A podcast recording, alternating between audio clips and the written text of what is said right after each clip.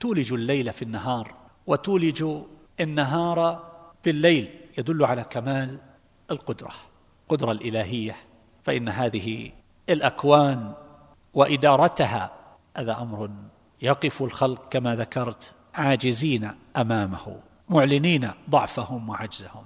حينما تأتي موجة برد أو حر أو رطوبة أو غبار أو مطر أو قحط أو غير ذلك هذا يعمهم. يعم هؤلاء الذين نزل بهم ولا يستطيع أحد منهم أن ينفرد بحمام دافي في هذا الكون فلا يصيبه ما أصاب الناس يعني أن يكون له استثناء بإرادته هو. وإذا نزل المطر لا يستطيع أن يحدد ارضا لا ينزل بها هذا المطر أو إذا نزل الجدب لا يستطيع أن يحدد قطعة أو رقعة لا يصيبها ما أصاب الناس. وإذا نزل الغبار لا يستطيع أن يشير إليه بكل ما عنده من قوة وإمكانات حتى يتوقف بل يغشاه كما يغشى غيره. وترى المدن الكبار أمام هذه الموجة من الغبار الذي كأنه الجبال يزحف وهؤلاء تحته كالذر في مساكنهم وطرقهم ومصانعهم وغير ذلك.